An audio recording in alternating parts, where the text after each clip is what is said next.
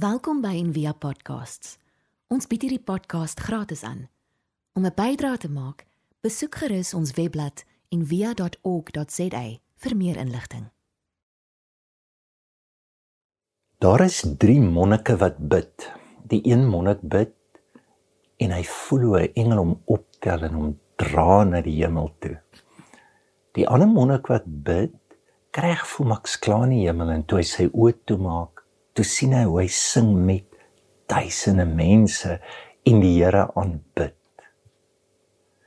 Die laaste monnik bid maar hy dink aan 'n hamburger. Want daar het 'n nuwe franchise oopgemaak net om die hoek van die klooster. En hy kan nie ophou dink en hy voel sleg. Dag het verbygegaan. En die aand toe moes 'n junior demoon verslag gee van sy werk en hy notuleer toe die volgende: Ek het 3 monnike versoek en 2 het geval. Dis 'n storie met ongelooflike wysheid. Eerstens, ons kan versoek word deur godsdienstigheid. Tweedens, hamburger kan my dalk help op my geestelike reis. En engele. In die derde plek en dit waar ek vandag wil praat is, ons kan nie altyd sien met dit waarmee ons versoek word nie. Nou lent is 'n tydperk, is die tydperk op die kerkkalender 40 dae voor Paas wat daar 'n tradisie is waar ek en jy uitgenooi word om voor te berei om beter te kan verstaan wat beteken 'n dood en 'n opstanding in ons lewe. En ons geleesde gedeelte vandag word gewoonlik gebruik om lent in te lei. En dit begin met in Jesus, hy's vol van die Heilige Gees, maar die Heilige Gees lei hom in die woestyne. Is dit nie vreemd nie? Die Heilige Gees neem hom om versoek te word. Die Heilige Gees neem hom om die duiwel te ontmoet. Dis presies dit. Vir Jesus om nader te kan kom om die dinge te kan sien wat hy sukkel om te sien in sy lewe waarmee hy versoek word. So ek dink dis 'n geestelike patroon wat hy volg wat in elk geval in die natuurlike bestaan. Dink daaraan. Ons slaap, ons kan nie net slaap, ons moet ons weerhou van slaap om te werk. Ons oefen, ons kan nie net aanhou oefen nie, ons moet rus ook. Ons kan nie net aanhou praat, ons moet ons onthou van praat dat ons kan luister ook. En is baie keer vir ons makliker om materieel die beginsel te verstaan, maar ons weet nie altyd hoe dit geestelik werk nie. En ek dink baie opdragte in die Bybel is niks anders as om jou te help om jou te onthou nie of jou te weerhou nie. Dink nou aan Efesiërs 4, dit sê moenie kwaad word nie. En voordat jy gaan slaap, sorteer jou kwaad uit. En dan interessant sê hy, geen die duiwel geen plek nie. En dan die tweede opdrag, moenie moenie lelik praat nie. Praat so dat dit woorde is wat opbou en stig. En dan kantonttekening bedroef nie die Heilige Gees wat in julle is nie. Daar's 'n direkte verband tussen ons versoekings en die Heilige Gees. Ons daaglikse lewe en hoe die Heilige Gees ons binne daardie lewe ontmoet. Net oor len dink aan dit die seisoen verander. Vanoggend toe ek opstaan, kon ek net voel daar so ligte by. Jy jy kan sien dinge het verander. Nou in Europa is dit nou presies die teenoorgestelde. Hulle gaan nou lente in en die woord lent kom ook van lensin af wat die dae word langer. So onthouding, die doel en dit hoekom ons dit doen is dat om die lig om God se teenwoordigheid dat dit langer en groter in ons lewe word.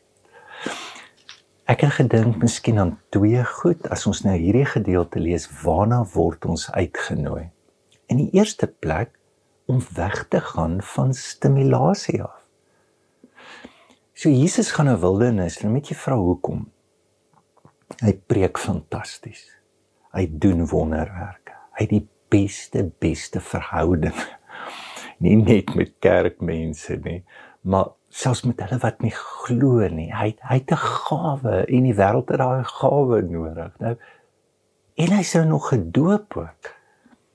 Daar was 'n oorgangsrite. Hy's bevestig. Jy, jy kan sien hy stap van laat adolessensie in sy tonas gat hy nou hy's betree nou die volwasse wêreld en daar was 'n stem wat vir hom gesê het wie hy is. Dis ongelooflik. Hy's reg. Nee. Hy moet wegkom van die liggies van die stad, van dit wat hy doen, van dit wat mense van hom sê en dit wat hy het. Daar's 'n patroon. Ons kan die lewe net betree vanuit 'n diep plek van stilte, weg van stimulasie. Dit is om wakker te word in die oggend. As jy nie geslaap het nie, beteken jy niks die volgende dag nie. Maar geestelik is dit so en die beginsels van liefde, vrede, lankmoedigheid, die goed wat ons almal so soek. Jy kan net in dit lewe en daardie lewe betree as jy vanuit hierdie plek kom, die plek van stilte. Luister wat sê Henry Nouwen. How can we consider ourselves a witness for God who fills our emptiness when our lives are cluttered with material possessions, our bellies overfull, and our minds crowded with worries what about what to do with what we have? Ons kan nie ontvang as ons nie laat gaan nie. Ons kan nie.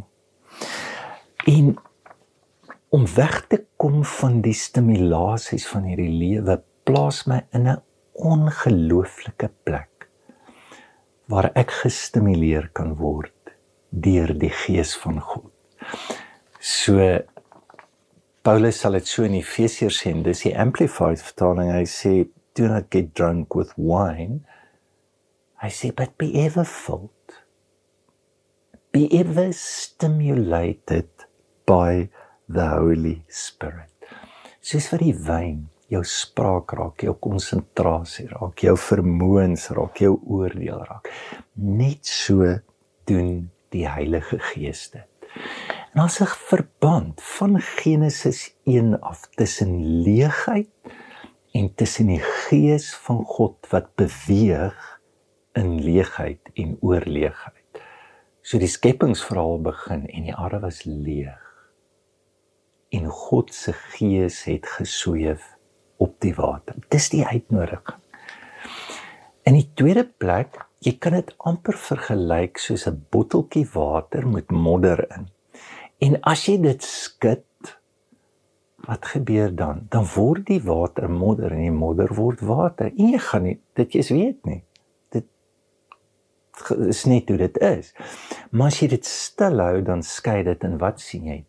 Die modder. En dis reeds die modder wat hierdie distorsie verbring dat ek nie kan sien wat is wat. Dit is die senter van wat my beheer. En ten diepste, dit is waar versoekings gaan.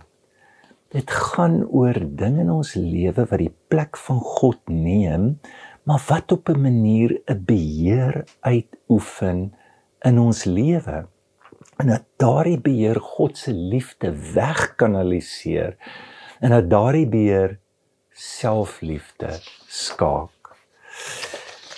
So hoekom moet Jesus versoek word? Want hy moet ten diepste gekonfronteer word met dit wat hom beheer. So daai drie versoekings is wat hy doen, is invloed is wat hy het, sekuriteit. En dan is wat mense van hom sê. Dis 'n aanvaarding. Dis die goed wat ons nodig het om te lewe, maar dit is ook die goed wat ons totale lewe in beslag kan neem. wanneer ons op onderskeidingstydperk gaan dan ons 'n reël wat ons sê iets dis nie hier nie it's not here en dan as ons nou kuier in die aande dan mag ons so niks anders praat behalwe dit wat nou hier is en dit wat hier gebeur. Weet jy hoe moeilik is dit? Want ons kan nie anderster as om iets te sê oor wat ek doen oor wat ek het.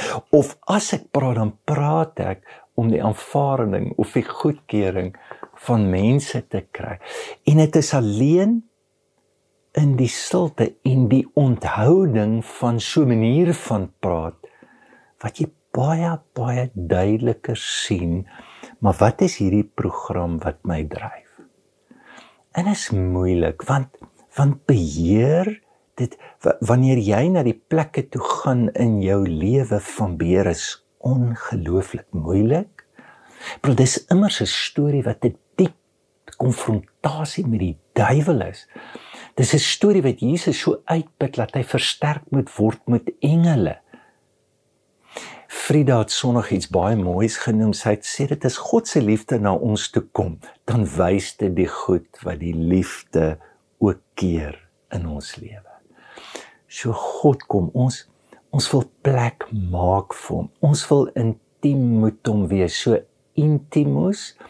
Die latynse woord vir intimiteit beteken interieur, innerlik. So dis wanneer ek innerlike beheer, wanneer ek hierdie program staan binnekant, wanneer ek plek maak vir dit, ek weerhou my. Ek maak plek, dan kom daar intimiteit. Maar die woord intimus kom ook van intimor wat beteken into fear. Ehm um, so ons kan alleen intiem raak wanneer ons kan wys waarvoor ons bang is. So wat wat sal jou vrees oor onthouding en spesifiek goed wat jy van bewus raak in my lewe dalk van gemak of van genot of wat wat, wat is die onderliggende vrees dis die pad na intimiteit. En dan die laaste ding. So hierdie versoeking is 40 dae. So die Bybel sê spesifiek en hy Jesus 40 dae lank versoek. So Jesus het nie vinnig net gesê hoor ek bestraf jou in die naam van Jesus weg is jy. Dis alles wonderlik want hy het autoriteit en krag oor. Ek ek glo nie in dit nie. Hier's die patroon. Maar is iets dieper sin want ons weet nou gewoontes word gevorm in 30 dae. Dat wanneer ons en ek dink dis hoekom die Here hierdie gawe of die uitnodiging gee en ek dink ook die diep wysheid wat die kerk gehad het om sê kom ons doen dit vir 40 dae. Jy vorm nuwe gewoontes. En hier's die hier's die gawe.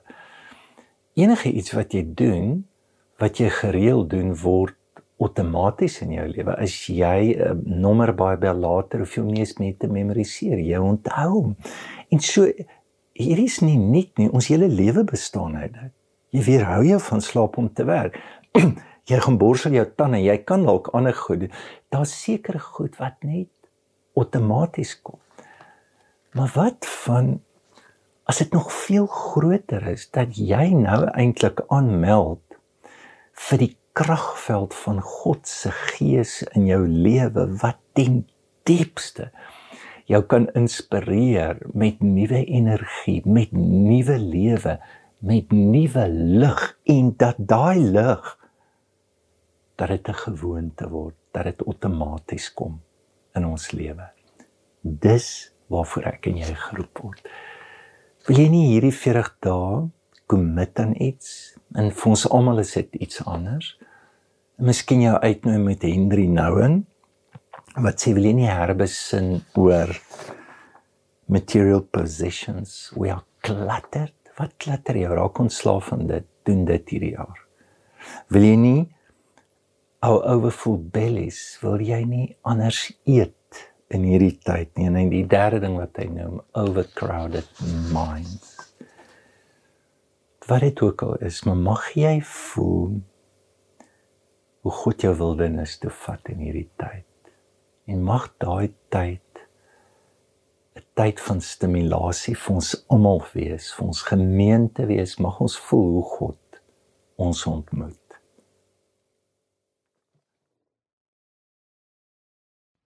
Ons hoop van harte jy het hierdie podcast geniet of raadsaam gevind.